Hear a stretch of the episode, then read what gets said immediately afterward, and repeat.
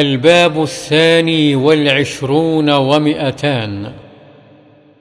باب فضل تعجيل الفطر وما يفطر عليه وما يقوله بعد الإفطار. عن سهل بن سعد رضي الله عنه أن رسول الله صلى الله عليه وسلم قال لا يزال الناس بخير ما عجلوا الفطر. متفق عليه. وعن أبي عطية قال دخلت أنا ومسروق على عائشة رضي الله عنها فقال لها مسروق رجلان من أصحاب محمد صلى الله عليه وسلم. كلاهما لا يألو عن الخير. أحدهما يعجل المغرب والإفطار والآخر يؤخر المغرب والإفطار.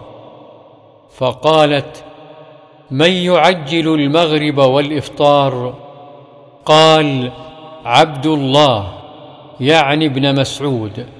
فقالت هكذا كان رسول الله صلى الله عليه وسلم يصنع. رواه مسلم. قوله لا يألو أي لا يقصر في الخير. وعن أبي هريرة رضي الله عنه قال قال رسول الله صلى الله عليه وسلم قال الله عز وجل أحب عبادي إلي أعجلهم فطرا. رواه الترمذي وقال حديث حسن. قال الشيخ الألباني رحمه الله قلت في هذا التحسين نظر لأن مدار إسناده على قرة بن عبد الرحمن وهو ضعيف لسوء حفظه.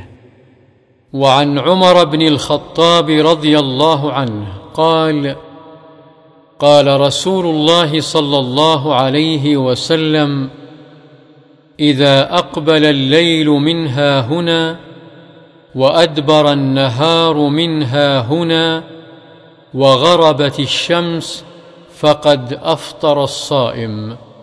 متفق عليه. وعن أبي إبراهيم عبد الله بن أبي أوفى رضي الله عنهما قال سرنا مع رسول الله صلى الله عليه وسلم وهو صائم. فلما غربت الشمس قال لبعض القوم يا فلان انزل فاجدح لنا. فقال يا رسول الله لو أمسيت. قال انزل فاجدح لنا. قال إن عليك نهارا. قال انزل فاجدح لنا.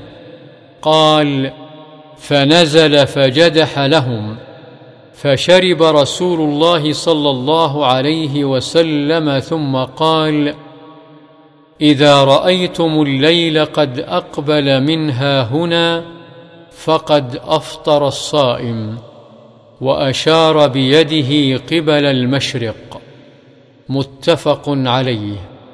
قوله اجدح بجيم ثم دال ثم حاء مهملتين أيخ أيخلط السويق بالماء. وعن سلمان بن عامر الضبي الصحابي رضي الله عنه عن النبي صلى الله عليه وسلم قال إذا أفطر أحدكم فليفطر على تمر فإن لم يجد فليفطر على ماء فإنه طهور. رواه أبو داود والترمذي وقال حديث حسن صحيح. وقد ضعف الشيخ الألباني هذا الحديث في الإرواء. وعن أنس رضي الله عنه قال كان رسول الله صلى الله عليه وسلم يفطر قبل أن يصلي على رطبات. فإن لم تكن رطبات فتميرات. فإن لم تكن تميرات حسى حسوات من ماء. رواه أبو داود والترمذي وقال حديث حسن.